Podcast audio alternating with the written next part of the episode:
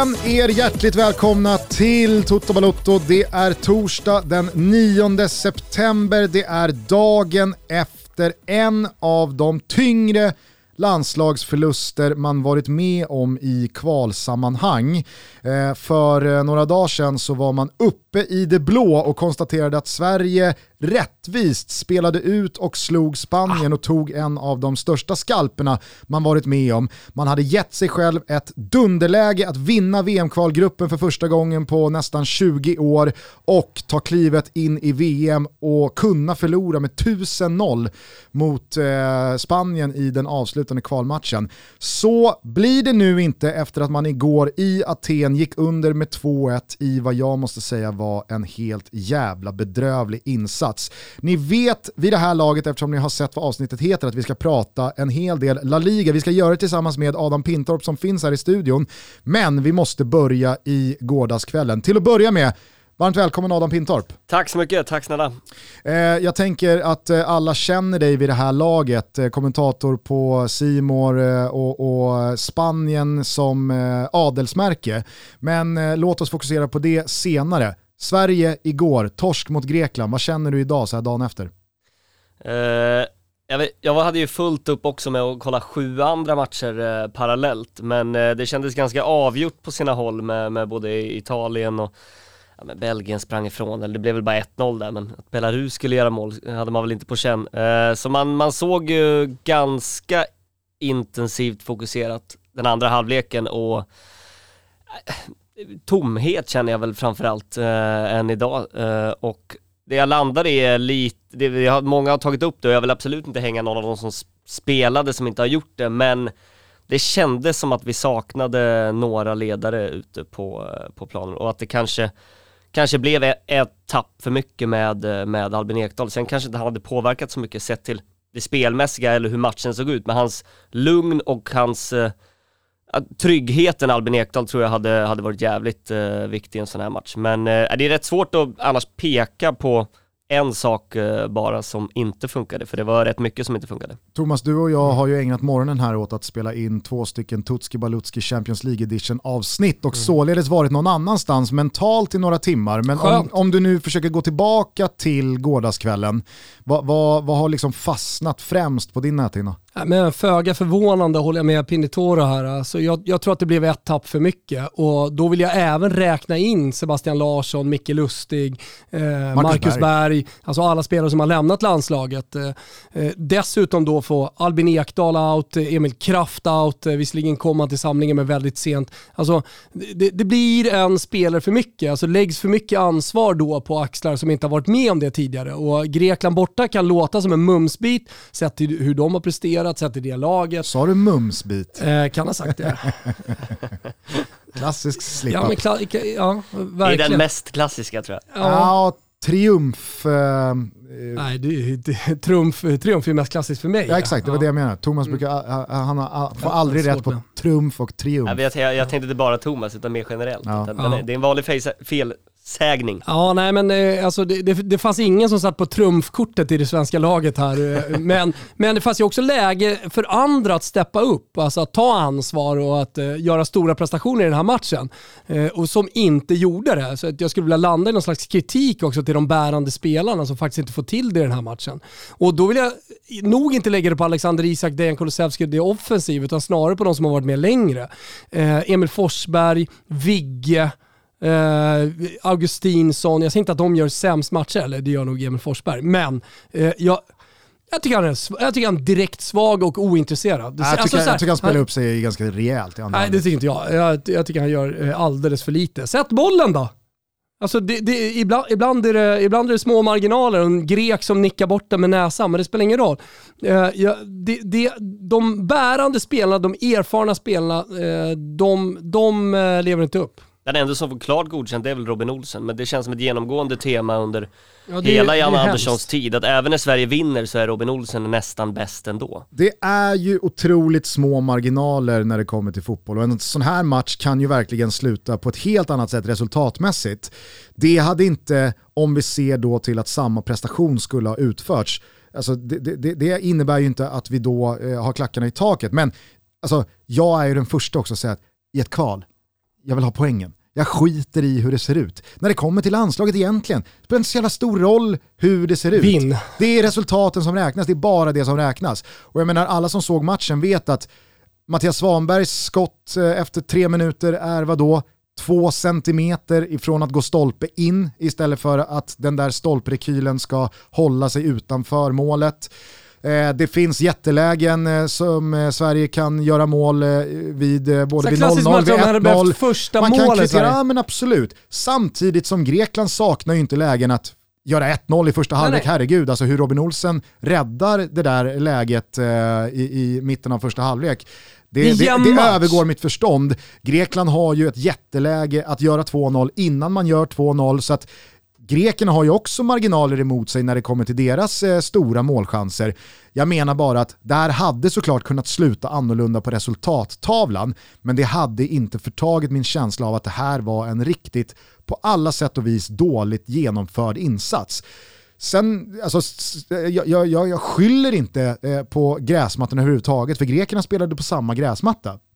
Men vilken jävla dålig plan var det. För det var det som jag kände också präglade väldigt mycket insatsen. Att vi kom aldrig in i det i att få en trygghet i att äga bollen. För det studsade och det hoppade och fötterna slank och man ramlade och man slog bort passningar och det blev passningar i knähöjd. Och, så det, det, det fanns liksom aldrig heller en förutsättning rent planmässigt att också kunna lugna ner spelet, att äga lite boll när Sverige som bäst behövde det.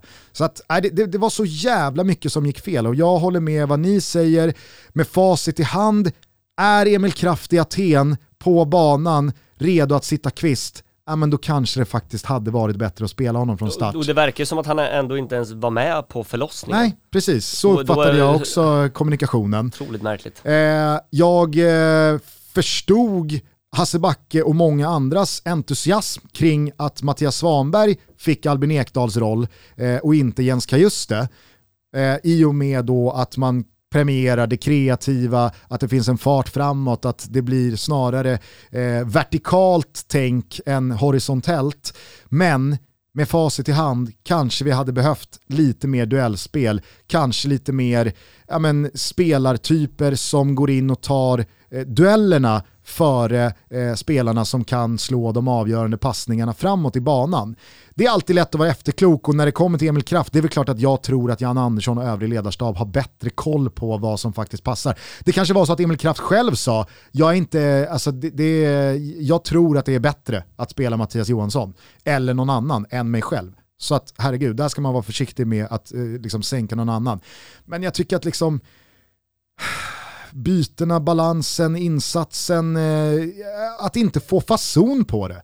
Alltså att inte få fason på det över så lång tid. För dåligt. Det är för dåligt. Men torska mot Grekland, tappa poäng Grekland borta, det kan man väl göra. Det, det jag bara liksom landar i det är hur jävla surt det här är sett till läget vi hade satt upp oss för med Spanien-segern i torsdags. Mm. Ja, absolut. Och visst är det lite ändå en problematik som har funnits uh, under Jannes tid mot de här vad ska vi kalla det nu då, mellannationerna. Mm. Inte, inte de riktigt dåliga eller de riktigt bra, utan att Sverige har rätt svårt att föra den typen av matcher. Det stärker väl kanske din tes då Gusten om att Kajuste borde eventuellt eh, prioriterats i en sån här fight och vi har uppenbart tidigare rent historiskt haft svårt att föra såna här matcher. Mm. Och vi, som du sa, vi, vi, kom aldrig, vi kom aldrig in, in i matchen. Nej. Det är ju typ Kroatien. Alltså inte in och spela lyxigt här nu, utan Det är klart att det kriga. finns undantag, men... Ja, jag säger bara att med, med, med, undantag för Kroatien andra halvlek på bortaplan förra hösten och Kroatien hemma, så är ju gångerna Sverige har på ett bra sätt fört spelet och av egen kraft, av eget etablerat anfallsspel luckrat upp ja, men likvärdiga motståndare eller kanske lite sämre motståndare. Inte de här blåbären inom citationstecken som Janne och hans landslag har varit jävligt bra på att inte slarva mot, att få ett tidigt mål och sen bara köra på och pulverisera dem. Alltså så har vi ju strul mot dem. Det var ju samma sak mot Slovakien, samma sak mot Polen, samma sak mot Ukraina, samma sak mot Ryssland, Turkiet, den mm. Nations League-hösten, första eh, efter VM 18 där. Så att, nej, det är alarmerande, det är oroande och det, det känns så jävla surt att det blev liksom upp som en sol, ner som en pannkaka. Å andra sidan, hade man suttit här med en annan känsla om vi hade förlorat rättvist mot Spanien i torsdags, slagit Grekland på ett bra sätt eh, i, eh, igår. Ja, vi, vi, hade tagit samma antal poäng, vi hade haft samma läge ja, i gruppen, men känslomässigt så hade inte den här frustrationen av ett sumpat straffkast eh, infunnit sig. Nej. Ja, men jag, jag, jag, håller med, men eh, alltså framförallt så det Adam är inne på, alltså problematiken när jag tänker på det mot just den här typen av motstånd. Och det är svårt alltså. Eh, jag var inne på det men, men vill förtydliga. Alltså, jag tror att man måste in och kriga. Jag tror att man måste ha typ samma taktik som man har mot Spanien. Eh, sen är det jättebra att vi kan flyga när vi väl är offensiva, men det, det gjorde vi bra även mot, det gör vi bra även mot toppmotstånd. Men jag tror inte vi ska gå in med en lite naivt, som jag tycker, lite naivt tänk att vi ska föra matcherna och, och spela ut stort sådär och ha bollen 60-65% av, av eh, 90 minuter. Så eh, det, det är nog en lärdom. Jag hoppas också att det här laget, som Thomas är inne på, som saknar en del rutin eller har blivit av med en jävla massa rutin i den här generationsskiftet som varit. Alltså att man igår fattade att man kan inte falla in och gå i den fällan som lag som Grekland gillrar med att ligga ner, att döda tid, att maska. Det kändes som att hela andra halvlek och i synnerhet de sista 20 minuterna efter det här VAR-avbrottet som blev då är det så många spelare och ledare från det svenska lägret som är så frustrerade över att det går sekunder, att det går tid, att man springer snarare runt och är lack på grekerna för att de utnyttjar den position och det resultat som de själva har satt upp sig i. Att det, det, liksom, det, det, det, det förtar från ens egen prestation. Nej. Så här är det, med, tillåt mig att vara så generaliserande, så här är det med medelhavsländer. medelhavsländer, kontra... så här är alla lag nu för tiden. Mer eller mindre. Sen vi, kanske vi grekerna är mer. Det om vi hade ja, gjort ja, ja, ja, ja, herregud. Men, men, alltså, det är jag... inte längre någonting som, ja, men jag vill vara tydlig här. Låt oss vara tydliga Gusten. Det är inte längre en grej som sydamerikaner och medelhavslag håller på med. Det här håller alla på med. Fan det är bara att gå ner och kolla på BP10 eller Spånga eller vilket lag som helst. Jo, men igår, alltså det här är en igår, fotbollskultur som Dicken ju... och Fimpen kan vara sura på för att det inte finns i Men det kommer till hockeyn också! Fast igår var det ändå nya nivåer. När greken som inte får Emil Forsbergs skott i huvudet, han går ner som att han ja. har fått skottet i huvudet ja. och ligger och liksom kvider sig. Bara alltså, tugga i jo, sig, men, det, det var jag, jag tycker det så, Janne alltså, säger... Min farsa ställde sig upp och skrek mot tv, nu får det vara nog! Jo, men det, det jag ställde mig upp och nästan applåderade den greken som är så... Buga, bocka, han har sån jävla sinnesnärvaro att han, liksom, han, han ser sin lagkamrat inte gå ner och döda tid för att han har fått bollen i huvudet. Så han gör det istället. Alltså det var såna jävla nya nivåer. Det var men håll med, håll med om att Alltså, man får inte gå i den här fällan. För det är Nej, precis men... det här grekerna vill. Det är precis Problemet är, det jag blir förbannad på, det är som alltid, det är ju på domarjäveln. Finns inte domare förutom Steffe Pepsi som man är glad på. Ja, men det, det, lägg till tiden då! Mm. Det var någon som hade räknat ut och skickat här på Twitter. Det var ju liksom, det var sex minuter till, ja men lägg till tre till då i alla fall på, på maskandet, på bytena och så vidare. Backe har ju alltid, eh, i alla fall de senaste alltid åren, nej men han har ju förordat att man sista 20 minuterna ska köra stoppklocka. Just uh, för att... Hej, liksom vet du var det kommer ifrån? Det kommer från Olen, uh. som har gått vidare till Backe. Och eh, vet du, vad, vet du, vet du nej men det här är viktigt, tågordningen här. Olen, till mig, till Backe, när okay. vi jobbade tillsammans förut. Ja. Så eh, det är viktigt att sätta ner foten var, var detta är. Eh, andra bollar upp liksom att man Pini. ska spela eh, tre gånger eh, 30. Eh, att, man, eh, ja, men, så, så här, att man kanske framförallt ska ha den här... Lugn nu. Nu alltså, blir det... du Ars Arsene Wenger, Gusten. Om jag, jag säger, Nej. Alltså, så här, jag, jag har inga problem du har, med... Du har hört vad Wenger håller på med nu? Ja, med VM ja. Ja, med offsiden. Nej det har jag inte, jag missat. Jag Nej men alltså, VM. bara du är, alltså, du, du gör om det, vänder på det. Bara, bara du onside med en del av kroppen. okay. Är du med? Lilltå onside, mål. Mer mål. Hur, hur ska det, det spelas det, det, det, det VM vartannat år? Lotta ja, men Det är alltid det här, eh, det är alltid det här. Hur, hur, kan det bli mer mål och mer offensiv fotboll? Det är det de surrar Vi kan inte hamna där igen. Jag, jag, vill bara understryka att jag har inga problem med att fotbollen ser ut som den gör idag och att det, det är ja, men en, där en kan vi inte hamna tid. igen heller. Vi ska, nej, men vi ska, vi ska inte vara på, här, jag vill inte ha effektiv tid, Ibland, Sista 20, i- ja. ibland hamnar man i eh, liksom, eh, ringhörnan eh, där det, det går emot och man blir frustrerad och jag kände också en sån jävla aversion gentemot grekerna som låg igår och döda tid. Å andra sidan så hade jag delar i mig som kände, fan vad bra de gör det och fan vad slarvigt vi sköter det här som går in i det här och till, alltså du vet, bara göder det här. Usch, det var så dåligt. Men jag, jag tycker det finns mer grejer att, liksom ta upp. Jag, jag, Isak Kiese nej men nu räcker, alltså så här, De är slaggiga ska in där. Jo. Tänk att ha Zlatan i en sån här match. Va, Ja. Pinni? Mm. Helvete. Många Och som även tänkte den tanken 20. igår. Även om man borde startat, va? Ja, många tänkte nog den tanken igår. Jo, men det är också, det, det är lätt att, eh, så här, vad ska vi med Zlatan till nu? När vi gjort en bra match mot Spanien. Men det är kontinuiteten, det är i prestationerna, i resultaten som han Det är rätt garanterar. olika matcher också vi får. Såklart att det är det. det men, men tänk att ha haft en Zlatan som kommer tillbaka från skada, gjort ett par matcher, som man slänger in sista 20 minuterna imorgon, igår. Eftersom man uppenbarligen ville, ville skicka långt, torska inte en duell. Sen är det så här, Isak Kiese Thelin vann inte en duell. Nej, han gjorde en Svante Samuelsson, vek ner rätt sig många i frisparkar. Ja, absolut. men sen, sen måste vi väl ändå också understryka att, vad fan, chansen att ändå bli tvåa eller eventuellt vinna finns ju fortfarande. Spanien ska ju också ner till Grekland och har ju Vinna. haft lite problem med, eh, med Sverige ändå, som Luis Enrique själv sa. "Nej, Vi har haft svårt med Sverige eh, på sistone. Sen tror jag att de kommer, kommer slå Sverige hemma, men Jag skulle, bli, jag skulle bli oerhört förvånad om spanjorerna inte har en, sven, alltså en seger mot Sverige i sista omgången i egna händer för att vinna VM-kvalgruppen. Men låt oss vara tydliga, VM ska inte säkras med en massa matcher kvar. VM ska säkras genom brutal lidelse, hårtapp och njursvikt. Helst ska mjälten skitas ut under de avgörande 10 minuterna. Som en Ja. stor skall diktade igår. Jo, förvisso. Men som- som ehm, jag, jag, jag kan inte, efter alla de här kvalcyklarna med playoff-torskar och... Men Bulgarien borta, alltså så här, det, det, det kommer en sån här prestation. Så är det väl, men vi får inte det här läget igen och så som landslagsfotbollen har utvecklats senaste 10-15 åren med ett knippe liksom, pott 1-lag, om man får uttrycka sig så, som vi alltid kommer ha i gruppen. Alltså blixten slår inte ner jättemånga gånger alltså, i, i, till Sveriges fördel. Och det är rätt klurigt nu med tanke på det nya systemet med playoffet, att det är fyra lag som Ja. slåss och det är semifinal och final. Det är en match bara, det är inte dubbelmötet. Nej exakt, och nu är vi dessutom tillbaka i B-divisionen i Nations League så nu finns inte A-köksdörr. Äh, fan alltså, det här är... Pff. Nej, det, det var, det var, det var en, en sumpad straffspark igår, eh, men jag skulle vilja dela ut en gulasch till alla eh, de av mina Twitterföljare som hörde av sig till mig och tycker att jag jinxar någonting när jag konstaterar att Sverige är fyra segrar från VM. Eller igår då, Det var de ju. 90 minuter från VM. Alltså det är ingen jinx.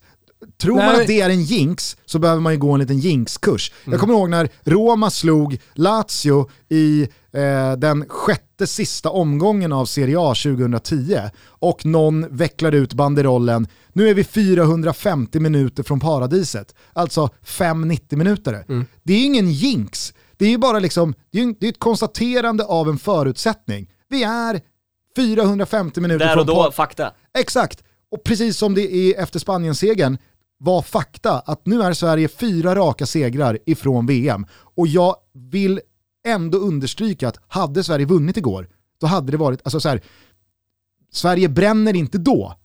Grekland hemma, Kosovo hemma, Georgien borta. Det är ju en jinx. Det är en jinx. Exakt. Men, Men det kan du ha som åsikt. men eh, jag, jag Absolut. kan ha det som en åsikt och det kan folk invända sig mot. Mm. Men att, alltså så här, jag skrev igår på Twitter, nu är vi 90 minuter från VM. Ja det förutsätter ju att Sverige vinner matchen. Det är Mm. ingen, jag, jag säger ju inte, vi behöver inte spela matchen för det är klart.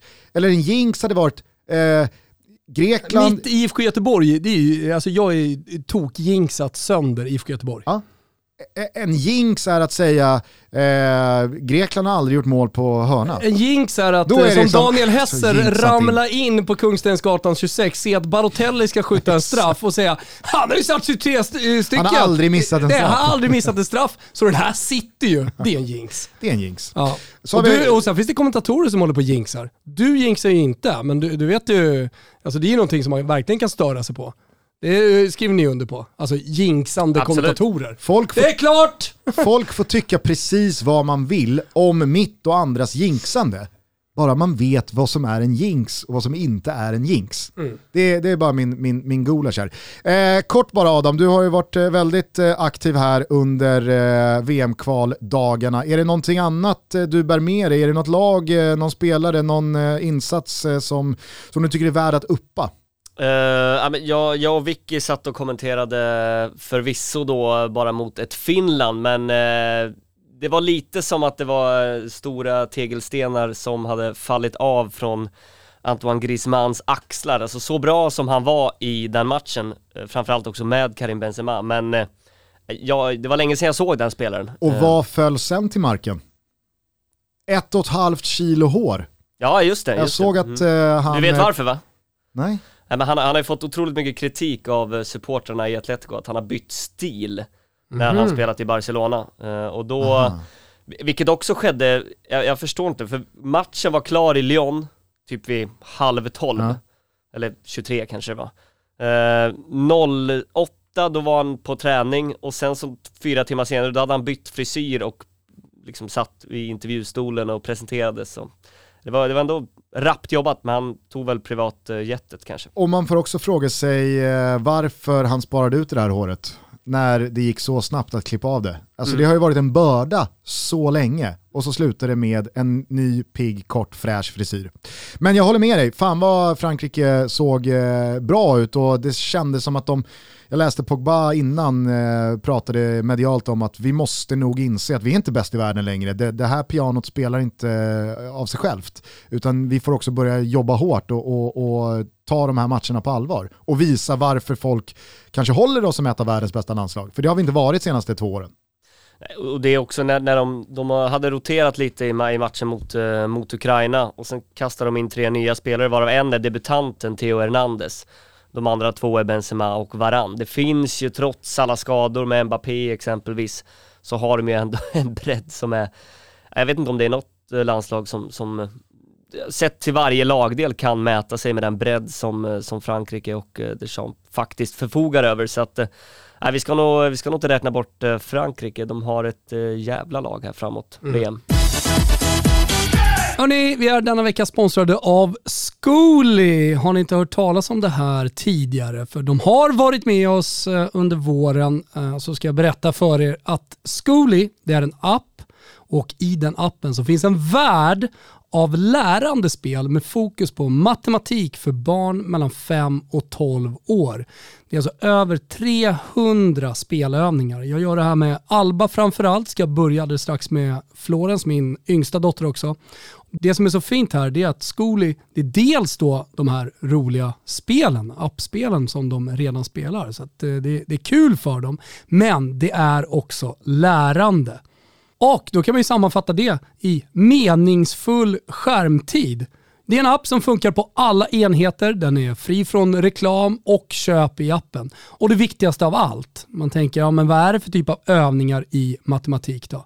Jo, det är övningar som är framtagna av erfarna pedagoger. Så få koll på vad ditt barn håller på med på paddan och faktiskt också vad med dem. Så lär du dig något och du vet i alla fall vad ditt eh, barn sysslar med. Hörrni, just nu har Zcooly ett riktigt bra erbjudande. Nya kunder kan prova gratis tills vidare med koden TOTOBALUTTO. Surfa in på zcooly.se totobalutto för att registrera sig. Och jag bokstaverar, Zcooly stavas Z-C-O-O-L-Y. Zcooly.se totobalutto. Vi säger stort tack till Zcooly som är med i Toto Balotto. Toto Balotto är denna vecka sponsrade av Max Burgers. Och för er som har missat det så finns just nu Korean Barbecue på menyn. Ja, men det är en helt otrolig burgare som låter friterade lökringar, Korean barbecue-sås, majonnäs, saltgurka och färsk koriander mötas mellan två bröd och göra matupplevelsen till något helt fantastiskt och det vill jag verkligen personligen skriva under på. Med tydlig inspiration från det koreanska köket så vill vi tillsammans med Max Burgers uppmana alla som hör det här att våga testa Korean barbecue på er närmsta Max restaurang. Dra er heller inte för att testa Korean barbecue med något av Max gröna alternativ. Det finns ju halloumi och plant beef. Korean barbecue hörni, där har ni höstens stora burgarsnackis och upplevelse. Vi säger stort tack till Max för att ni är med och möjliggör Toto Balotto. De är tillbaka och vi älskar dem. Rocker. Jaha, vad är det här för rockigt då tänker ni? Jo, det är en spännande app som samlar dina finansiella tjänster i en och samma app. Rocker, ja de utökar din bank och dina kort och dina köp med nya smarta funktioner. Lyssna på det här. Rockerkortet det är ett Visakort som är kostnadsfritt och som man enkelt fyller på med Swish. Det är till exempel ett bra kort att ha med sig utomlands. Det är inget valutaväxlingspåslag. Gratis reseförsäkring ingår utan självrisk och det gäller för dig och din familj. Eller upp till tre polare. Kortet kan enkelt kopplas till Apple Pay eller Google Pay. Så man kan lämna plånboken hemma. va? Möjlighet till cashback med kortet finns, så man får pengar tillbaka när man handlar med kortet upp till 500 kronor i månaden. Kortet är som du förstår top notch. Det är mattsvart och har genomskinliga härliga inslag, vilket kommer dra till sig en del blickar när man är ute och handlar. De första 20 000 som skaffar sig det kostnadsfria rockerkortet och genomför tre köp innan den sista oktober får 500 kronor som laddas på kortet. Ja, ni hörde rätt. Ladda ner appen. Den är kostnadsfri och heter Rocker. Den finns i App Store och den finns i Google Play. Tänk själva att ni har glömt plånboken hemma. Det händer mig hela tiden och ni är nere i affären och har storhandlat. Ja, men som tur var så hade man kopplat Rockerkortet till Apple Pay eller Google Pay och man kunde då betala med mobilen. Hörni, ladda ner Rockerappen, gör det nu. Skaffa Rockerkortet. Vi säger stort tack för att ni är med i Toto Balotto. Med det sagt så kanske vi ska röra oss eh, mot eh, La Liga då. Ja, men, eh, det är ju skönt när landslagsuppehållet är över att bara liksom lägga det bakom sig. Nu har vi Champions League nästa vecka som stundar, ligan är tillbaka och nu ska ju de största lagen, de som är i Champions League, i de största ligorna spela sju matcher på 21 dagar.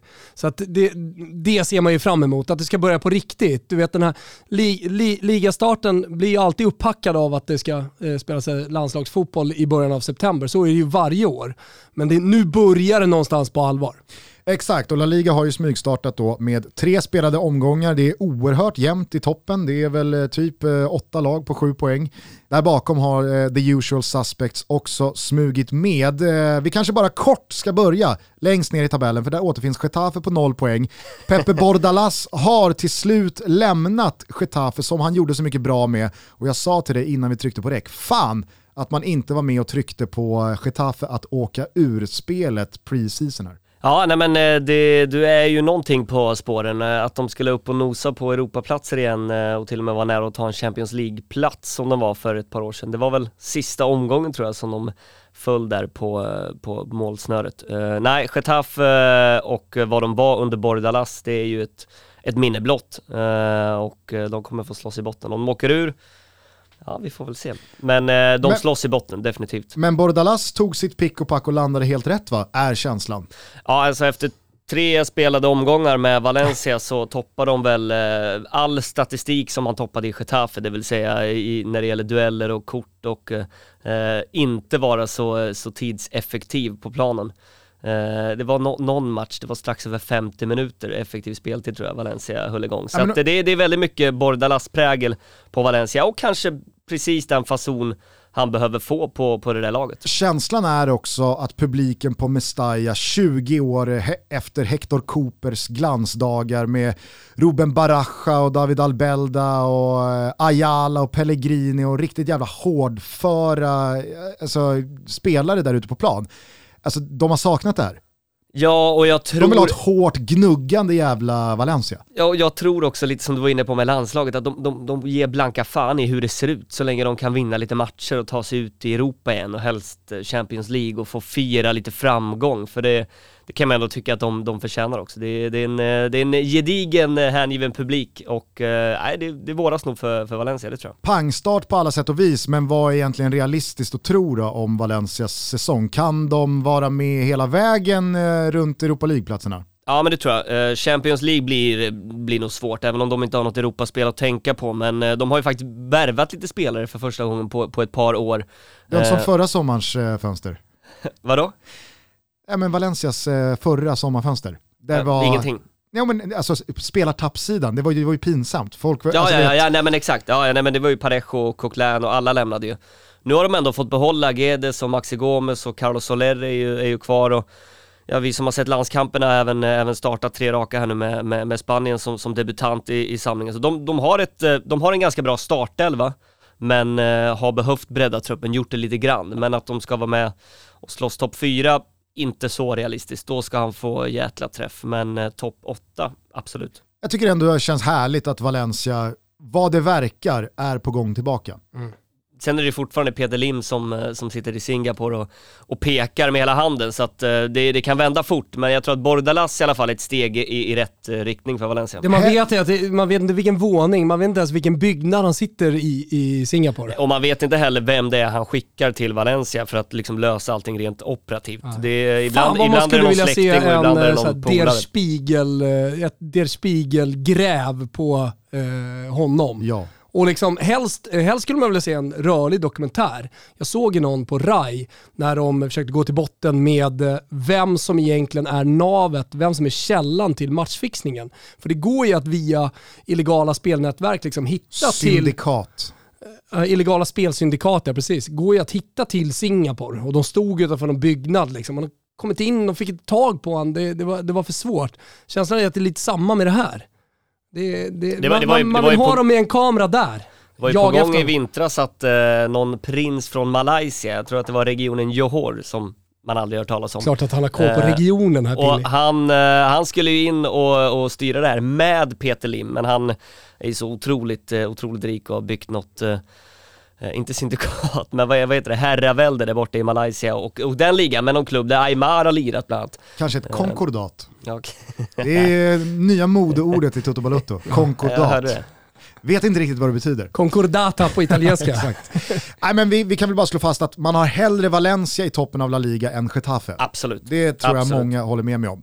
Eh, regerande mästarna, eh, Atletico Madrid, tycker jag eh, ser eh, starkare ut än i fjol. Med tanke på den otroligt oväntade deadline day som blev med Antoine Griezmann tillbaks. Eh, jag och Thomas slog fast i något avsnitt här nyligen, om det var i Tutski Balutski eller om det var i Toto, att Griezmann, affären kring Griezmann för Atletico Madrid måste vara en av de bästa som någonsin gjorts. Ja, absolut. Det, att, att sälja för över 1,2 miljarder och sen låna tillbaka honom två år senare där man inte ens behöver betala den här, ja det är väl en tredjedel ungefär som de kommer behöva betala eh, vad det lider, men att inte behöva göra det direkt eh, och få spelaren tillbaka. Eh, Och däremellan med Luis Suarez som var en direkt konsekvens och av Griezmanns antåg i Barca. där, däremellan också. Vunnit ligan. Mm. Ja, det är otroligt alltså. Eh, Och med ja. det här också försvagar man ju Barca igen. Precis, ja, ja. Helt otroligt hur många lager som finns i den här värvningen. Eh, men håller du med mig om att eh, de regerande mästarna går in i, i, i säsongen eh, kanske starkare än i fjol? Ja men det får man säga. De har inte tappat någon av sina nyckelspelare och förstärkt jäkligt vettigt. Rodrigo de Paul tror jag kommer bli ett rätt kul eh, en kul spelare att följa i La Liga. Han var i Valencia för rätt många år sedan men eh, där funkade det ju inte. Udinese var varit där fem år va? Och varit otroligt bra framförallt men ändå de, de hela tiden senaste säsongerna. känns, känns som en provinsspelare som inte kan växla upp. Eh, så Ja, att det blir det- upp till det här- bevis det här här i Atletico. Madrid. Men kanske att han har, eh, har liksom lärt sig läxan, att han var där några år till, han har vuxit in i landslaget, var väldigt bra i Copa America. Kanske kan han ta det nästa, Lätt nästa att steg. fastna i Udinese. Mm. Alltså, flera det- Det är stora må, spelare... må, många har fastnat där. Okej, gått Alexis. Sanchez fastnade ju inte, så det finns ju, andra, det finns ju spelare som har gått vidare också. Ja, visst. Nej men och det, det enda de har tappat egentligen, det är ju spelare som knappt, knappt spelade under förra säsongen. Vitolo, spelare som var på lån. eh, och Namnstarkast Am- är väl Saul. Ja, såklart Saul, men han är ju också gubbe 14-15 i det där laget just nu och nästan mestadels spelat ute på en vänsterkant där han inte hör hemma. Han är ju mycket mer en box-to-box-spelare egentligen och där får han inte plats. Eh, men framförallt intressant hur de ska få ihop det framåt. Om han fortsätter spela med två anfallare och han har alla tillgängliga, Suarez, Joao Felix, Griezmann, Korea och så den där brassen Cunha som har kommit in från Hertha Berlin. Förmodligen så pengar. ångrar han sig och eh, även klubben. Han lånas ut i januari. Men du, eh, hur lång tid har Joao Felix på sig att eh, börja leverera här? För att med Griezmann tillbaks, som du nämner, Luis Suarez, Korea, Korea som var bra i våras i ett titelvinnande eh, Atletico Madrid, som har varit bra i säsongsupptakten också. Alltså, med den prislappen Joao Felix kom med, Mm. har han ju långt ifrån hittills liksom betalat av sig. Och med den konkurrenssituation som nu finns, har vi ett potentiellt liksom problem här på halsen. Ja, eventuellt. Framförallt så är det ju, det, det är inte så välbalanserat framåt, utan Simeone och eh, ja, den sportsliga ledningen då med, med, med Berta som ska också vara med och identifiera vilka de ska plocka in. De hade ju en del förslag, de ville ju åt eh, Vlahovic och sen så hade de ju Rafamir på tapeten som, som eh, Simeone tackade nej till. De vill ju egentligen ha en vice Suarez, någon som är bra i djupet, Eh, och inte en Griezmann-typ. Det är ju mer att det är en av Simeones favoritspelare. Eh, och är man lite konspiratoriskt lagd, det finns ju många som tror att de bara väntade ut sista dagen för att, okej, vi tog in Kunja, vi har ett rätt bra lag här, men vi kan väl ändå testa och kolla hur jävla risigt eh, saker och ting ligger till i Barcelona.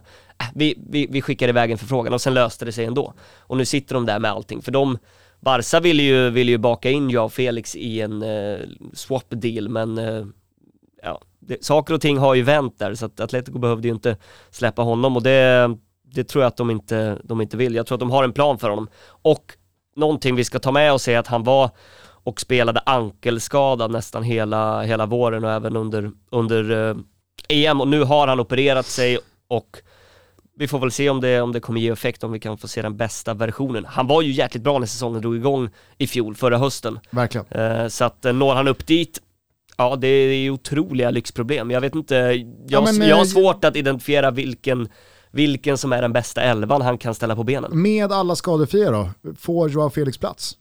Nej, inte i en startelva tror jag inte. För Griezmann, Griezmann kommer ju spela. Och det måste man väl ändå säga Thomas, om vi nu har hyllat värvningen av Antoine Griezmann som en otroligt bra sådan, att eh, tredje säsongen efter att ha kostat 1,1 miljard, då ska man ju tillhöra en startelva, tycker jag. Absolut. Sen, Ja, men sen, kanske, sen kanske det finns plats Men, för men båda. det blir fel även med spelare som kostar en och en halv- eh, 1,1 miljard. Mm. Så det, det, det är inte sista Fråga gången bara det blir fel. Ja, men, och, Nej, men och, fråga sam- bara Barca, men det är inte sista gången heller. Nej och samtidigt så finns, alltså det är en distinktion i att han är så pass ung ändå Så att de kommer ju ändå få pengar för Joao Felix på ett annat sätt än vad Barcelona får för Griezmann när de tappar honom Så det, jag Rätt. tror inte att de sitter i sjön Rätta mig om jag har fel, Barcelona har värvat tre stycken miljardspelare. Griezmann, Ousmane Dembélé och eh, Coutinho. mm. Det är deras miljard eh, Mm, track mm, record. mm. Bra. Bra gubbar. Ja, eh, vi tar oss till Barca, för där har det ju varit eh, High Chaparral och eh, fan till och med svårt för sådana som eh, dig och mig Thomas att hänga med. Vad var det egentligen som hände? Kan du på något sätt liksom kort recapa eh, det här eh, med eh, att La Liga har stipulerat ekonomiska krav på spelarlön, tak och budgetar och så vidare som ledde till då att Messi tvingades bort. Ja men det, det är ju ett 70% i tak eller om det är kanske till och med upp mot 75 eh, och Barcelonas eh, president då, han tillträdde ju i mars igen, eh, nygamle presidenten Joan Laporta. Eh, Han gick ut först i somras och sa att eh, vår lönebudget är över 100% av våra intäkter. Eh, Det här kommer inte gå, Messi satt på utgående kontrakt, han kunde inte registreras.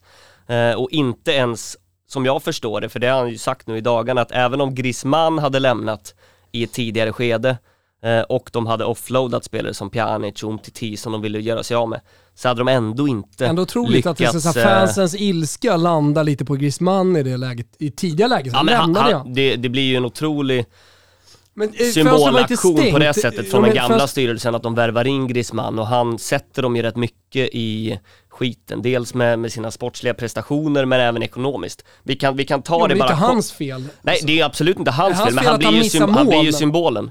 Ja. Sen är det ju så här, det har ju eh, kommit fram nu eh, delar i hans kontrakt här som Sport, den katalanska eh, tidningen publicerade förra veckan. Och då drog han, han drog in netto 25,5 miljoner euro första säsongen bara. Eh, Bra nettocash. En Och- kvarts yard. Ja, En kvarts yard. visst. Eh, och, ja, ni, ni förstår ju själva i, i den utsatt, utsatta ekonomiska situationen de har varit i. Eh, och nu framförallt är det att, Overkligt. eh, Att det, det, det är klart att det var, det var väl dumt av Bartomeu att skriva ett sånt kontrakt med Griezmann för ett par år sedan. Men nyfiken bara, alltså med Messi borta, med Griezmann tillbaka i Atletico Madrid, med Pjanic offloadad i Besiktas, alltså får de ihop det nu? Nu är de på rätt sida 70% strecket då eller? Eh, de är på rätt sida eh, ekonomiskt just nu, men som Laporta har sagt, vi, vi, vi är inte i ett hälsosamt tillstånd nu. Vi, eh, vi har bara släckt bränder, utan det kommer ta ett par år, men eventuellt kommer vi kunna börja värva spelare för okej summor ändå under nästa sommar. Men hur blir man inte av med Umtiti, Coutinho, Dembélé? Alltså hur, hur, hur blir man inte av med honom? Dembélé tror jag inte man vill, man vill bli av med. Nej men det är ju en spelare, alltså man kanske inte vill bli av med honom, men man behöver ju, alltså så här, Men ta hade- de spelarna ha- och så säg bli av med två. Jo, fast hade Barcelona sagt, alltså vi vill inte bli av med Ousmane Dembélé, men kolla vår kassa, kolla, kolla våra böcker. Mm. Nej, vi det, måste det, var, det var väl alltså, exakt så de gjorde med. Mm. med Griezmann. Man kan, man kan ju säga så här: var Griezmann en bra affär från första början för Barcelona? Nej. Är det en bra affär att bli av med honom sett till lönepost, att de ändå får in 40 miljoner euro någon gång, även om det sker nästa sommar eller sommaren 2023? Ja, det är klart att det är. För att eh, det, det blir utrymme i, eh, i eh, lönebudgeten utan eh, Griezmann. Så det är väl, det är väl eh, den spelaren som de, eh, som de lyckades skeppa då ändå och få till en rätt bra deal för. Coutinho har inte spelat fotboll på åtta månader så jag vet inte vad de hade fått för honom. han- Det är väl ett lån då kanske. Vi men, vill ju eh, skicka honom till Milan, jag och Gugge. Ja, men framförallt så måste man väl som spelare i symbios med sin klubb när allt har blivit så här fel känna att alltså, du måste bort och han vill väl bort. Mm. För, som du säger, han har ju inte spelat fotboll på ett år. Nej men han är, han- han varit skadad. Absolut, han Eh, var skadad, men jag, jag tror inte att Coutinho tänker att här finns det nog, här finns det nog en roll skräddarsydd för mig bakom Depay. Nej, nej, kanske inte. Vi får väl se hur, hur alla, hur, alltså om man kommer tillbaka skadefri så tror jag att han har rätt goda möjligheter att spela ändå. Jag menar Braithwaite och, och Luke de Jong där framme och sen Ansu Fati kommer ju smygas igång så att det finns ju platser att eh, fylla i, i ett Det finns ett bra anfallsled. lag också, men, men jag tänker bara, hur, hur mycket skakade Pjanic om i Barcelona? Eller var det någonting man bara ryckte på axlarna för? Menar du intervjun här med, Ja. mot eh, Ronald Koeman? Att, att han inte pratar... eh, Stärker ju min tes om att han är en eh, penalist, Ja. Ronald Koeman. Ja, Eh, fan. Du är Nej, men inte den enda kul, som kul. är skeptisk till Ronald Koemans härlighet. Nej men jag, jag, jag, jag, är svårt att, jag är svårt att se att han ska vara med och ta nästa steg med Barcelona. Även om man ger 17-åringar chansen så tror jag inte att det här Barca kommer, kommer lyfta och vara en kandidat till att gå långt i Champions League. Däremot som Thomas säger, det, det är ju fortfarande ett bra lag och det finns ju jäkligt många unga spelare att bygga vidare på. Men jag tror att det måste komma in någon annan och börja om lite. Ja, men så eh, här, för att det ska Pedri, lyfta. Ansu Fati, vad händer med Ricky Push? Han verkar ju också ha hamnat i någon Ja, slags han, är, eh, han, är ju, han är ju absolut längst ner i Komans Vad, är han, vad har han gjort då? Men han är någon slags, eh, Han har för mycket sociala medier, det känns som att Koeman inte gillar. Han är ju någon slags klausul i en eventuell förlängning med Ja. Ronald Koeman att ska du skriva på här, då, då finns det en klausul som säger att du Ricky måste Push spela Ricky lämna. Push. Man kan gå till Sevilla. men nä, nästan varje vecka sen, eh, ja, men sen mitten av sommaren så, så skrivs det ändå i katalanska pressen om att Laporta eh, nästan knackar på Komans dörr och eh, ber honom spela, eh, bland annat då Ricky Puig mer eh, och även en del andra spelare. Umtiti nästa Ah. spelare som, Ah, okej. som, eh, som han nu vill att Koman ska börja spela. Men, men vad, vad säger supportrarna om, eh, om Koeman då? Ganska, ganska delat ändå. Det är vi- vissa som tycker att han ändå spelar tillräckligt många av de här unga spelarna. Eh, men eh, Han är ju kass. ja, ja, ja, jag tror att den absolut största delen ändå, ändå hoppas på en framtid med kanske Xavi eller någon annan från, från nästa sommar i alla fall. Det hur går, det, för, hur går det för Henke? Nej, fråga inte mig, jag, jag vet inte. Har du sett honom på någon bild? Eller? Ja men han sitter ju Ja. ofta bakom där Ja. med, med den andra nederländaren som man, eh, Mm. som man säger. Känns som Henke har en lite holländsk aura. Det enda man vet är väl att han, han, eh, han är en del av ledarstaben med lite offensivt ansvar. Mm. Problemet är att alla offensiva spelare lämnar. Ja, men det finns ju en Next Gen som är eh, jävligt spännande. Det vet ju alla vi som eh, sett både Ansu Fati och Pedri inte minst. Frenkie de Jong är ju inte ett dugg gammal. Eh, jag gillar Serginho Dest som fan. Jag tycker han är riktigt, riktigt bra. Araujo, Mingueza, visst, det, det, det, det kanske inte är liksom eh, Matthijs de Ligt eh, rubriker kring de genombrotten, men de är unga, de kom... Erik Garcia är där också, Erik spelar Garcia i landslaget. tillbaka, ja, alltså verkligen, det, det, det finns ju, det finns ju en, en, en framtid här i Barcelona, men som du säger, det är ju ett, ett rejält försvagat Barcelona som också mår jävligt dåligt rent ekonomiskt, medialt, supportermässigt, förtroendemässigt och så vidare. Men Memphis Depay, Mm. vilken jävla säsongsinledning. Han ser ju ut som en miljardspelare på riktigt. Herre jävlar. Och Mm. då kanske man ska väga in också vad han gjorde där mot Turkiet senast i, i uh, Hollands uh, 6-1-seger. Nej men han, han, Ah, ja. Han kanske har gynnats av Messi out, Mm. eh, att Griezmann försvinner, att han nu får konkurrera med Luke de Jong, Braithwaite och en Ansu Fati som både är ung och ska tillbaka efter en lång skada. Ja, det- känns ju inte som att han kommer konkurrera, utan det, det, Exakt, det nej, är en av dem han, sätter blir ner ju, först Han i blir ju den, startelvan. den givna centralfiguren Ja, ja. som ska Absolut. ha alla bollar, som ska ha allt ansvar, som får ta alla fasta situationer. Alltså, han kommer ju skjuta straffar och frisparkar, förmodligen. Nej, han ser ju jättebra ut och det får man väl ändå ge lite cred då till de som eh, ändå bör eh, krediteras för deras fönster, att de plockar in Erik Garcia, eh, Memphis Depay och gör det gratis. Att, att det inte är spelare som de behöver betala mer än lön och sign-on till då. Och Memphis Depay kan ju bli ett otroligt fynd. Verkligen. En spelare och värvning vi dock inte har berört än och som man är nyfiken på vad du tror kommer hända med, det är ju Kun Agüero. Mm. Ja, han har inte ens tänkt på. Han är ju, ja. Uh, jag tror ju att han kommer bli kvar uh, säsongen ut, inte att han lämnar som det först rapporterades om. Jag såg någon video när han själv diskuterade med fansen när han var på väg in till uh, träningsanläggningen att nej, nej, jag, jag kommer, jag kommer spela, spela, spela ut mitt kontrakt här och vara kvar säsongen.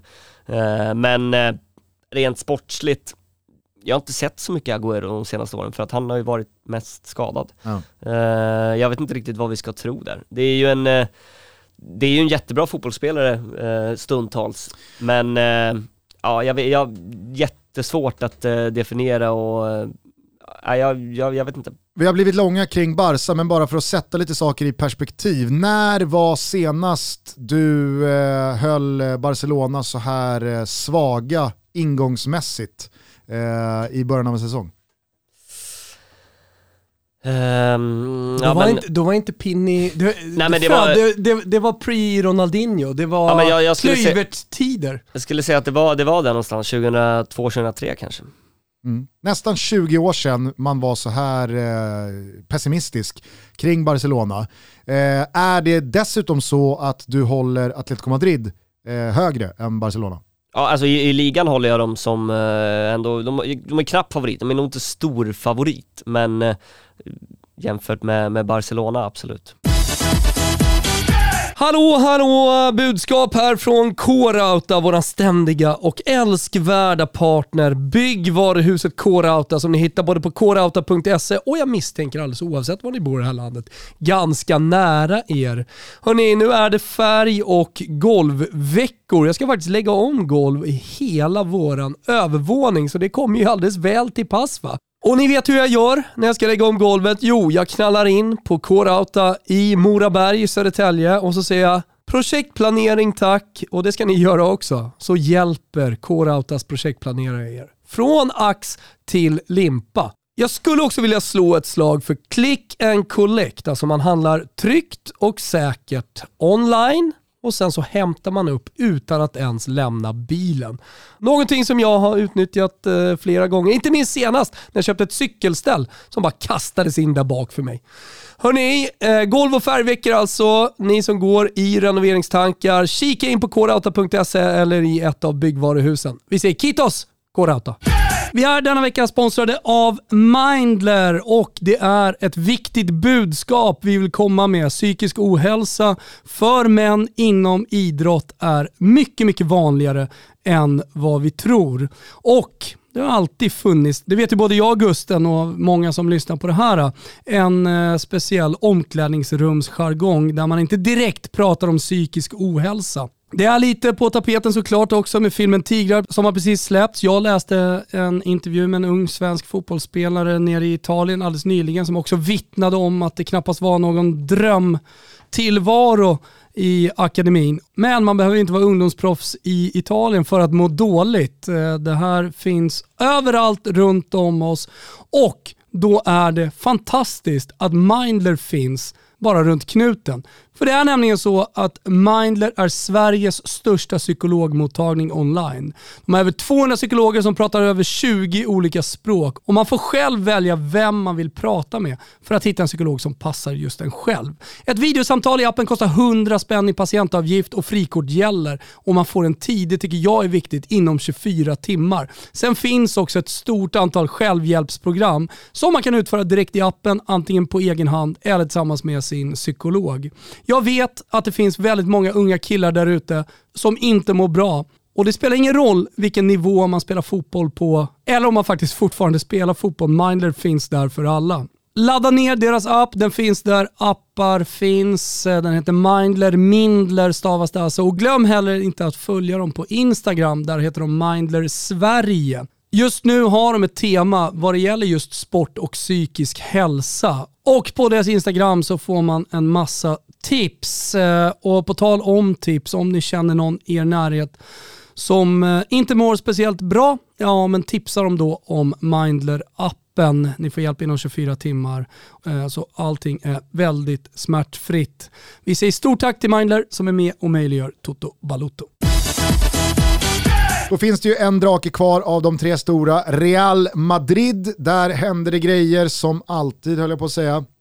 Carlo Ancelotti är eh, tillbaka på den post han rattade när de tog den där La Decima-bucklan i Champions League 2014. Eh, man har blivit av med eh, lagkapten Sergio Ramos, Rafael Faran, Rafael Varan, Rafael Varan följde med eh, ut genom exit-dörren, landade i Manchester United och på insidan så, ja, vad, vad, vad säger vi egentligen om eh, Real Madrids transfernetto den här sommaren? Ja, men det, det är ju två spelare som har, eh, som har kommit in som vi behöver eh, lyfta upp och det är ju eh, David Alaba förstås som han hade ju varit en viktig värvning oavsett vad, det tror jag absolut. Men nu när både Varan och Ramos är out och han tar Ramos fyra, eh, det är så tydligt att han är en försvarsspelare och inte en spelare som ska hålla till högre upp i banan, då, då tror jag att han kommer bli otroligt, eh, otroligt viktig. Eh, för där bakom finns ju bara Nacho och Militao. Sen finns Vallejo som är rätt oprövad och knappt tog plats i Granada. Brr, att... Vet du vad det här påminner om? Det påminner om när eh, Raúl Bravo och eh, Pavon fanns där eh, liksom som ordinarie spelare. Det var ändå härligt. Sidans i Pavons. Exakt.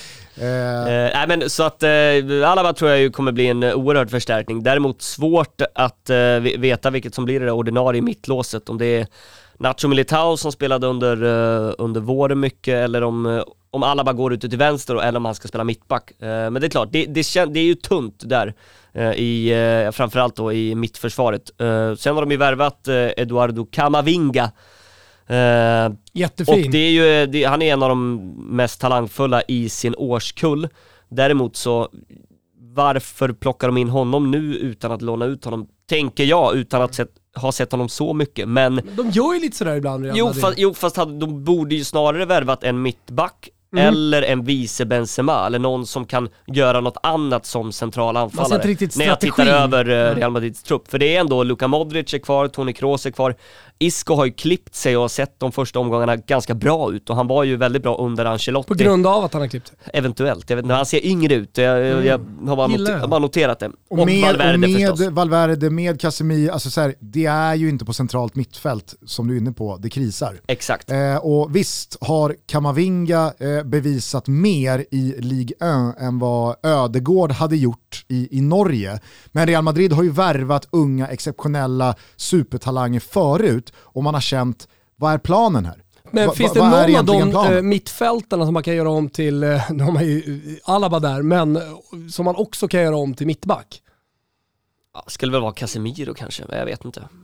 Casemiro och Alaba, det är absolut ingen av, ingen av de andra. Jag tror inte vi kan tänka oss Toni Kroos och Isco som mittlås i alla fall. Det känns... Eh, Nej, det går inte. Jag, jag har fått Toni liksom... Toni Kroos är inte helt dum Jag har fått göra avbön på Nacho. Alltså han, han, han förtjänar cred, han gör jobbet, han är stabil, han är liksom svaga 4 plus, mm. starka 3 plus det är ingen Sergio Ramos, kommer han aldrig bli. Han har aldrig varit och han har aldrig haft liksom, eh, potentialen att bli det. Men han är någon annan bredvid Sergio Ramos. Precis som Eder Militao är någon annan bredvid Sergio Ramos. Eller Varann. Jag tycker till och med att Militao och Varann det var, det, var liksom, det var lite för skakigt ihop bara de två. Mm. Sen hade de en, en, en, fin vår absolut med många hållna nollor i, i Sergio Ramos frånvaro och så vidare. Men du förstår vad jag menar, att när den här hålla i handen mittbacken försvinner, då, då blir Militao någon jag är mer skeptisk till. Då blir Nacho någon jag är mer skeptisk till.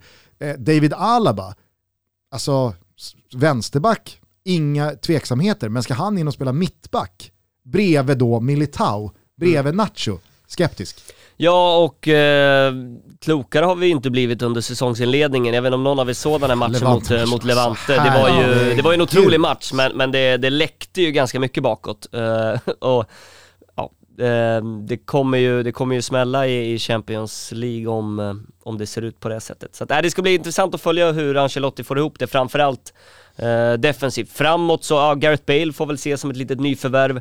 Eden Hazard kanske om han ska hålla sig frisk och faktiskt, han har sett rätt bra ut även i Belgien nu. Han mm. ser ju frisk ut och han låter ju medialt ganska så revanschsugen. Han ser ju också ganska vältränad ut jämfört med vad han har gjort tidigare vid den här tiden på året. Så Man att, hade eh, bra EM och inlett bra, i, eller inlett bra, men spelade bra nu under landslagssamlingen för Belgien. Så det är ju en annan Hazard i alla fall. Mm. Och kan man också få lite utve utväxling på Venicius så Ja, Om han kan, kan börja göra mål så, så har de ju en del extra vunnet bara där. För han skapar jäkligt mycket men mm. Eh, kan han omvandla det i lite mål och poäng också så, så eh, har ju Real Madrid mycket där att hämta. Sen så får man ju inte glömma bort eh, ytterbackarna Mondi och Carvajal. Alltså det är ju spelare som... I klass. Ah, de ja, håll, men där, de... där har de det bra ställt och det är samma Verkligen. med Marcello, kliva in i en match hemma mot Getafe för att, för att eh, avlasta eller om alla kliver, kliver, ut eller då Lucas Vasquez. Ytterbackarna, det är ju jättebra. Eh, de senaste bilderna jag såg från eh, Bernabeu, det var ganska mycket byggnadsställningar och... Ska väl invigas nu helgen tror jag. Så har jag förstått det också. Och det var därför jag skulle fråga, du har inte hört något annat? Nej, jag... att de senaste bilderna jag såg var så här, ska det där vara klart på en vecka? Ja, och, och det, det enda som jag, jag kan tänka mig eh, skulle göra att det eh, blir någon form av skillnad eller att de, ja, å andra sidan kan de väl bara ta 30 000 då, men nu när det får vara 60 eh, procent av eh, åskådarantalet eh, så tve, tvivlar jag på om allting är klart för att verkligen ta in 60. Men då får de väl, de får väl ta in så många det, det går liksom. Allting är inte klart runt omkring. Det ser ju väldigt mycket eh, väldigt mycket under renovering ut. Det ska ju bli någon form av rymd, eh, jag vet inte, inspirerad eh, arena utvändigt. Eh, men... Eh, Han har stora planer, Peres. Ja, det kommer nog bli, bli Peres mäktigt. Bakom de tre stora som vi givetvis håller favorit till att utgöra topp tre så återfinns ju Sevilla, Villarreal, Alexander Isaks Real Sociedad utöver då Valencia som vi redan nämnt. Eh, börjar man i Sevilla så har jag och Thomas eh, den här morgonen redan snackat eh, en del om Andalusiens rödvita stolthet. Känns som att de, eh, de mår bra. Favorit i CL-gruppen va? Eller vad har ja, ni? Det, det, slog vi fast. det slog vi fast. Ja, det är rubel de är... på Sevilla-vinnargruppen så att absolut. Ja, men de, de har ju förstärkt egentligen varje lagdel. Dels då fått behålla Enesiri som gjorde, vad gjorde han, 25 mål förra säsongen. Kondé kvar. Uh, var ju på väg länge till, till Chelsea, det var ju en saga i sig här under sommaren. Uh, och förstärkt med, ja men på ytterbackarna, Montiel vann Copa America med, uh, med Argentina. Augustinsson, det är klart att det är ett steg upp, men det är också en landslagsman som har fått en del rutin på här. vänsterkanten uh, Delaney in på ett mittfält. Uh, Rafamir. Rafamir framåt är en bättre version av, uh, av Luke de Jong och så Uh, ja, Erik Lamela som, som de gjorde någon form av bytesaffär med. Ja, det är fem värvningar som är riktigt ändå, bra. Det ser, det ser bättre ut på, på spelarfronten. Tappet av uh, Brian Schill. Ja men han var utlånad förra säsongen så det är ändå mm. en spelare som, som de fick pengar för utan mm. att ha använt. 25 miljoner euro kontinuiteten ändå med Lopetegi och Monchi och alltså det, det, det vet man inte missgynnar en klubb som Sevilla. Nej, och eh, nu kliver han ju in här på tredje säsongen och eh, nej, det, nu, det, nu det verkligen ska, ska smälla till och läget har väl aldrig varit bättre. Jag menar, Real Madrid försvagat sett till förra säsongen, Barcelona försvagat ja, Atletico kanske har förstärkt då, men det är ändå Atletico och de kanske går ännu mer för kuppspelet nu när de har eh, den där ligatiteln från förra men... säsongen. Så ska Sevilla någon gång verkligen vara med och kunna gå för en ligatitel, fråga inte mig mer än att eh, det är ett jävla Men är det inte Monchis agerande under sommaren med fem ganska tydliga nyförvärv som gör, eh, ja, men dels eh, ger spets men också bredd eh, och samtidigt som man behåller de spelare, nyckelspelare som du säger, är inte det en väldigt tydlig markering från Monchi att fan nu, nu ska vi ta nästa steg? Ja men absolut. Eh, jag tror inte vi ska, vi ska liksom glömma bort heller att Papu Gomes kom in under, under januari, fått en försäsong nu. Eh, om han fortfarande håller Atalanta-nivå, han har varit rätt bra i landslaget så, eh, så tror jag att där, där har de mer att uh, kräma ur eh, hans kvaliteter också. Villarreal ska ju också spela Champions League. De har ju på ett liknande sätt som Sevilla fått behålla stora delar av den trupp som eh, i våras vann Europa League. Jag vill mena på att den där Europa League-resan kostade på lite i ligaspelet och att man la lite ligavåren åt sidan för att göra något stort i eh, Europacupen. Men eh, när man tittar på laget så, så är det ju ändå imponerande får man ju säga att man eh, får behålla Pau Torres, att man behåller Gerard Moreno, att man behåller Chukwes. Alltså det finns ju ändå eh, rimlighet i ifall eh, Villarreal hade gått in i den här säsongen försvagade. Absolut, eh, och jag tror att den där eh, Champions League-platsen spelar stor roll in där. Pau Torres nekade ju själv ett bud från, från Tottenham. Klubben accepterade, de var överens, men han sa själv att jag vill spela Champions League med klubben jag är fostrad i. Eh, så att, eh, Jag vill inte spela Conference League med Exakt. Spurs. Exakt. Nej, Eh. så, så det, det, det, var, det är ju tydligt att det är anledningen att en sån spelare är kvar. Och det är väl honom de hade fått mest pengar för, antar jag. Gerard Moreno kritade på nytt, kanske också spelade in att de tog den där Champions League-platsen, nu får han vara med och spela, spela i den ädlaste av turneringar också, men han är ju lite äldre. Och eh, ja, Jag hoppas att Gerard Moreno ser läget här att han kan liksom die a legend. verkligen. Blev ju, blev ju, i klev ju förbi Beppe Rossi som Villarreals främste målskytt genom tiderna när han gjorde mål mot Chelsea va, i Supercupen. Så att eh, mm, han kan verkligen, ja, verkligen bli eh, en stor, stor ikon. Real Sociedad då, eh, laget som vi alla gillar, i synnerhet jag och Thomas efter att ha varit på besök i San Sebastian och förlorat oss på Bar Nestor. Mm. Givetvis, givetvis väldigt mycket på grund av Alexander Isaks intåg i klubben för två år sedan och hans målskörd där. Men eh, är det bara jag som är lite eh, rynkig i pannan här efter säsongsinledningen? Ser inte bra ut. Nej det, det gör det ju inte men eh, de, de har ändå, de har ändå gnetat till sig Men segrar. betoning fan i mig på gneta. Och det är väl en styrka i sig kanske. Jag vet inte, man vilket ben vill man stå på? De kommer nog komma igång, det tror jag. Eh, och det är väl en uh, jäkla styrka att ändå vinna fotbollsmatcher utan att eh, det ser särskilt bra ut. Vi ska väl ändå komma ihåg att Oyarzabal spelade både EM och OS och Merino och Subimendi spelade OS. Så att de har haft lite, lite märkliga eh, liksom starter in på den här säsongen, många spelare. Jag sticker, ut lite då. tid. Ja, jag sticker ut haken då och säger att Alexander Isak, Oyarzabal, Mikel Merino, Porto kanske? Jag vet fan. Eh, springer runt eh, och börjar känna att det här är sista säsongen här. Mm. Ja, Och det, det är en farlig, det är en farlig liksom känsla och tanke att få in i ett lag. Ja, Porto vet fan om man har något större i sig. Och Oyarzabal, han får, han får väl välja om han vill, eh, liksom, som du sa, die legend eh, i, eh, i San Sebastian eller inte. Men Alexander Isak, han har nog gått i de tankebanorna, det tror jag. Men håll med mig om att det är en farlig, det, det, det är en farlig vind att få in i Ja, omklädningsrummet. ja, jag håller med. Så att, äh, jag... Det är lurigt. Sen ska man väl säga att fan, det, är, det är väl kanske den mest välskötta klubben nu. De har ju B-laget uppe i Segunda med Alonso som tränare, så ersättaren till Alguacil finns redan där. Xabi Alonso. Okej. De har ju snittålder på 21 där och gör det rätt bra i Segunda, så de, de har ju rätt förspänt för att totalprojektet är rätt bra. Ja exakt, må många som bara väntar på att få kliva upp och nu ändå Alonso spelar. har inte penalist-auran. Han känns Nej. mer härlig. Inte Alguacil heller. Nej, fast Alguacil, jag vet inte, någonting hände när han drog den där ramsan på eh, presskonferenspodiet efter kupptiteln. Jag, jag, tappade, Du gillade det jag, inte? jag tappade ganska mång procent respekt för honom. Han, ja, det var så stelt. Ja, Ja, det var lite alltså, stelt, det var lite stelt. Det var, det var, det var cringe. super cringe. Eh, men okej, du, du är inte lika skeptisk till Real Sociedads säsong som jag är. Nej, och jag är framförallt inte lika skeptisk till att om de tappar en eller två spelare så tror jag att eh, de kommer fortsätta vara ett lag för topp 8 i alla fall. Eller de, de kommer konsekvent vara ute i, eh, i Europas sammanhang. Åtta Rätt systrarna, spanska. Finns det något lag mellan jumbon Getafe och eh, dessa lag vi gått igenom som du tycker är värda att eh, upplysa folk om? Ja, men det, alltså, vi måste prata någonting om att eh, Radamel Falcao är tillbaka i, eh, i La Liga och ska spela i Rayo. Det är ju, eh, ja men det, det är lite så här, Var kommer han från? det är väl Galatasaray. Mm. Eh, och gjort mycket mål där. Ja, så han spelar Eh, fotboll Så liksom. han har ju spelat fotboll, det är inte så att han har gått tre säsonger utan att ha lirat och vi, vi inte riktigt vet vad vi får. Gör han bara, jag vet inte, 8-10 mål, tvåsiffrigt då kanske, då, då tror jag att en nykomling som Rayo eh, ändå eh, har så pass stor nytta att de kan, det, det, kan vara liksom den sista pusselbiten att de håller sig kvar.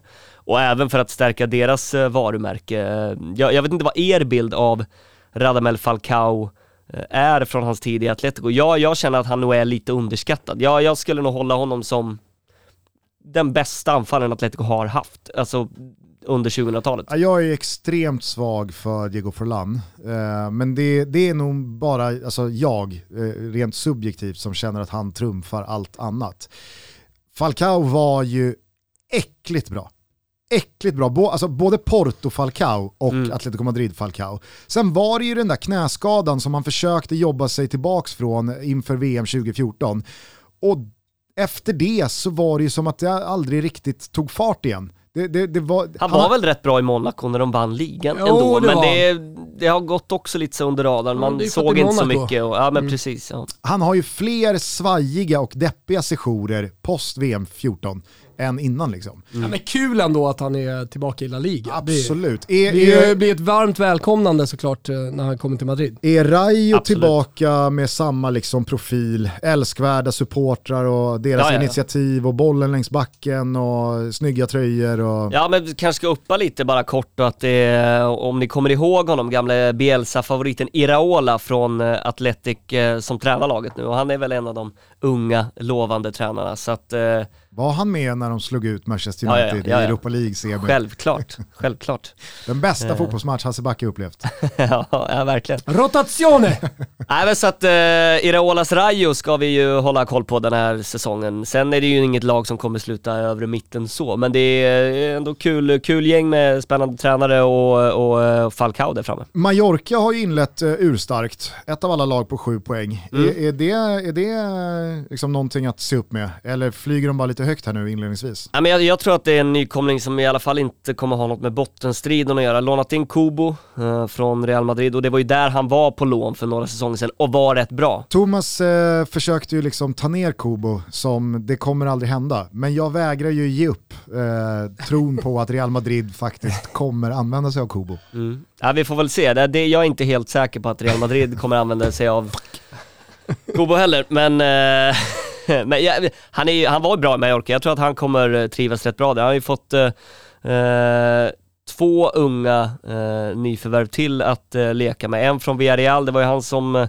som skadade Fofana där i Leicester, Ah. Ferninho. Eh, och eh, Kang In Lee som, som, som de har, har värvat från Valencia. De släppte honom gratis och det har ju varit en av deras stora eh, talanger. Så Just kan de, kan de bara få ihop det så har de nog ja, men ett rätt spännande offensivt lag att husera. Det är ju fascinerande med alla de här satellitspelarna på lån från Real Madrid som är jävligt bra men som Real aldrig kallar tillbaka och använder. Alltså det, det, det här... Det är inte bara dem, det är Ja, men- till och med Hakimi. Jo, jo, det är det jag menar. Det här började ju någonstans redan med Samuel Eto'o, typ, för 20 år sedan. Mm. Det, det är så många spelare som har tillhört Real Madrid, blivit utlånade, gjort det jättebra, men sen inte kallats tillbaka till Real Madrid för att användas där, gått någon annanstans, varit otroliga. Alltså jag vet inte, det, det, det är liksom det Vad bästa. står i manualen den, liksom? den man bästa vara spelaren eh, Real-spelare? som jag liksom på volley är väl typ Carvajal. Ja men han sålde dem väl till och med med någon återköpsklausul. Så jag tror inte Ja, ens att han var på lån i, i Tyskland utan han köpte dem sen tillbaka Ja. när han var bra. Nej de, de där lånegrejerna har inte, det har inte funkat. Och du, i helgen, vad hände då? Vad kommenterar du? Eh, jag ska köra jag ska först köra ditt gäng faktiskt, Serie A. Uh, jävla fin match, Atalanta-Fiorentina. Eh, den spanska matchen, jag vet inte om den var, den var planlagd lördag, men den är ju uppskjuten så vitt jag förstår om det inte kommer något sent här nu. Mm. Sevilla-Barcelona på grund av det sydamerikanska kvalet som ställer till det. Eller inte hade ställt till det. Alla matcher spelades ju inte ändå. Eh, men den verkar uppskjuten, så att eh, för Barsas del så är det, då är det, då är det Bayern München härnäst då. Eh, annars är det ju Bernabéu-matchen då hoppas vi, Real Madrid, Celta Vigo på, på söndag. Det blir kul. Just det, fan Celta har vi ju inte eh, berört. Eh, Kutjo Kodet, det är ju Mm. min gubbe. Ja, Jag dundrade ju ut att Celta är en så kallad nästa-gångare i, i slutet av förra säsongen och eh, i somras. Tycker dock att eh, det har varit lite eh, halvdan eh, säsongsupptakt här va? Ja, de har ju torskat rätt många matcher men de har ju fortfarande ett bra lag. Framförallt, jag menar offensivt med Brais Mendes som tagit plats i spanska landslaget. Vi har Nolito som ändå gör lite poäng, Iago Aspas är bra, Santimina finns där, Denis Suarez. Eh, sevärt lag, eh, kryddat med några, några nyförvärv också. Så att eh, på pappret så skulle jag ju hålla dem som en utmanare till topp 8, alltså Europa League-utmanare egentligen. Hur ser du också det härligaste arenanamnet i La Liga? Balaidos. Exakt. Kan ni ha era Estadio Ramon Sanchez Pizjuan? Ja, man gillar när det inte är döpt efter någon gammal president eller Nej, ikon, exakt. faktiskt. Eh, med det sagt då så... El Sardinero, det bästa. eh, vilka är det som är där? Racing va? Ah, de var det länge sedan jag Då tänkte har vi topp tre, är tre arenanamn. Ramon i toppen. Ja men det är ju ändå, det är ändå ett, eh, jag gillar ju El Madrigal också. Det är Ja, läckert. det är. Det är men, det men den heter inte det, Det- det längre va? Nej, det är ju. La Ceramica nu, det är sponsornamn så det är ju trist. Ja. Ja, det är, Ja, alla samtidigt alla graviterar ju åt det hållet. Alltså man, man, man gillar keramik. Gör man det? Ja, det gör man väl. Generellt sett sådär. Jag tycker det är lite överskattat, Tycker du? keramik. Ja, det skulle inte Rebban säga. Nej, så är det. T- Trumfar El Madrigal? Nej, det gör du inte. Hörni, eh, vi ska börja avsluta. Som eh, Adam flaggat för så kommenterar han härliga matcher från Italien och Spanien i helgen. Ni vet ju att ni via Simor ser all fotboll från Serie A, all fotboll från La Liga och med GOAT-abonnemanget för 299 spänn i månaden, all fotboll streamat även från Champions League. Och då har vi inte ens nämnt att ni om en eh, dryg månad får fortsättningen av detta infernaliskt spännande VM-kval. Så att in på simor.se sport och landa det abonnemanget och gör det för guds skull nu. Ni hänger ihop lite med, med Telia. Jag ska bara nämna det att det finns ett abonnemang borta på Telia som heter All Sport där man även får Premier League på Viasat. Så man kan liksom skaffa sig ett eh, totalpaket på Telia. Det, det finns också. Men jag tror att många lutar sig mot eh, 299-paketet. Eh, och det är bara att gå in på simor.se sport så, så kommer ni rätt in på det och så kan ni streama alltihopa. Påminner också alla om att Fotbollssöndag Europa är tillbaks 26 september för er som missat... Eh, Det var en nyhet för mig också. Ja, ja, men Kul. Då, då, då, har, då Då har du ska jag jobb. in. Jag hade hö- hört Då har att du det var jobb igen. eh, september. Ja, Kul. Du Adam har jobb. Fan vet du vad jag ser fram emot framförallt? Ja, att Pinitoro Era- eh, fortsätter utvecklas eh, och eh, ja, men, fortsätter Rent briljera. du? Pris. Varför, varför Jag inte? gör det. Nej, men fortsätter briljera på den oerhört välförtjänta väg du slagit in på bakom kommenteringsmicken. Det ser jag fram emot. Jag ser fram emot Champions League. Jag ser fram emot eran studio som Mm. det pratas så jävla mycket om. Lasse Granqvist nämnde det tio gånger. Såg du igår. inte studion igår? Eh, Den är mörk, lite- det är inga personer där, det är krispigt. Jag förstår att det kommer bli snyggt, eh, men eh, den ska befolkas också. Sexig är den. Ja, porrig. Kattig. Kattig. Eh, korta frågor på volley här nu Adam innan vi släcker ner. Vilka vinner La Liga 21-22? Atletico, Vem vinner skytteligan? Falcao! Alexander Isak. Oj! Oj! Oj, då Det är får, dags att börja göra mål då. Verkligen, då får han börja spotta in några Ja. pytsar. Sätta Eh, lite press på. Vilka tre lag åker ur? Uff, eh, fan vad svårt. många lag. Ja, det där var klurigt, men eh, snabb, snabb titt på, på tabellen bara. Men jag tror, jag tror fan att det är dags för Alaves. Eh, de ryker. Eh, Gigge, jag status?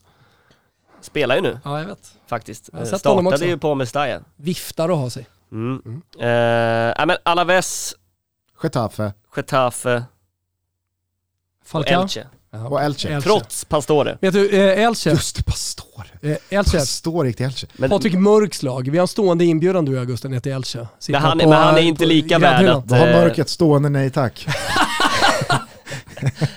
han är inte lika värd att ägna fem minuter åt Pastore. Han är ändå inte levererat på samma nivå som Falcao har gjort ändå. De hatar honom i Paris. Ja, jo. Hur är, hur är, det, i hur Rom. är det i Rom? Och i Rom. ja, ja. Liksom Överallt. ingen, ja, han- började med ett klackmål som var otroligt, sen blev det liksom ingenting av det där. Eh, vilket lag tar fjärdeplatsen bakom de tre stora? Det blir, det blir ju Svea. Och eh, vilken... Jag tror eh, Sevilla kommer tvåa. Så kan det, det kan, de kan absolut utmana där uppe. Det är mitt lag i och, år. och inte, ja det ja, skulle de, kunna kanske, bli... de kanske bryter ja, det, det är mycket möjligt. Eh, triodominansen faktiskt. Mm. Ja, jag Så givet är det, så eh, givet är det omöjligt. inte. Nej. Eh, vilken spelare som eh, alla kanske inte redan känner till får liksom sitt break här den här säsongen?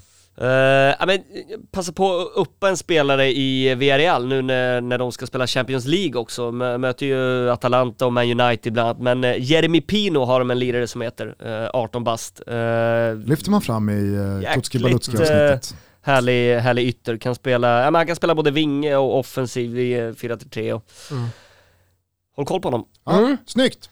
Eh, fan vad kul att du kom hit. Eh, tack för att du gästade oss. Tack själva. Stort tack Pinny, hoppas du kommer tillbaka under hösten här.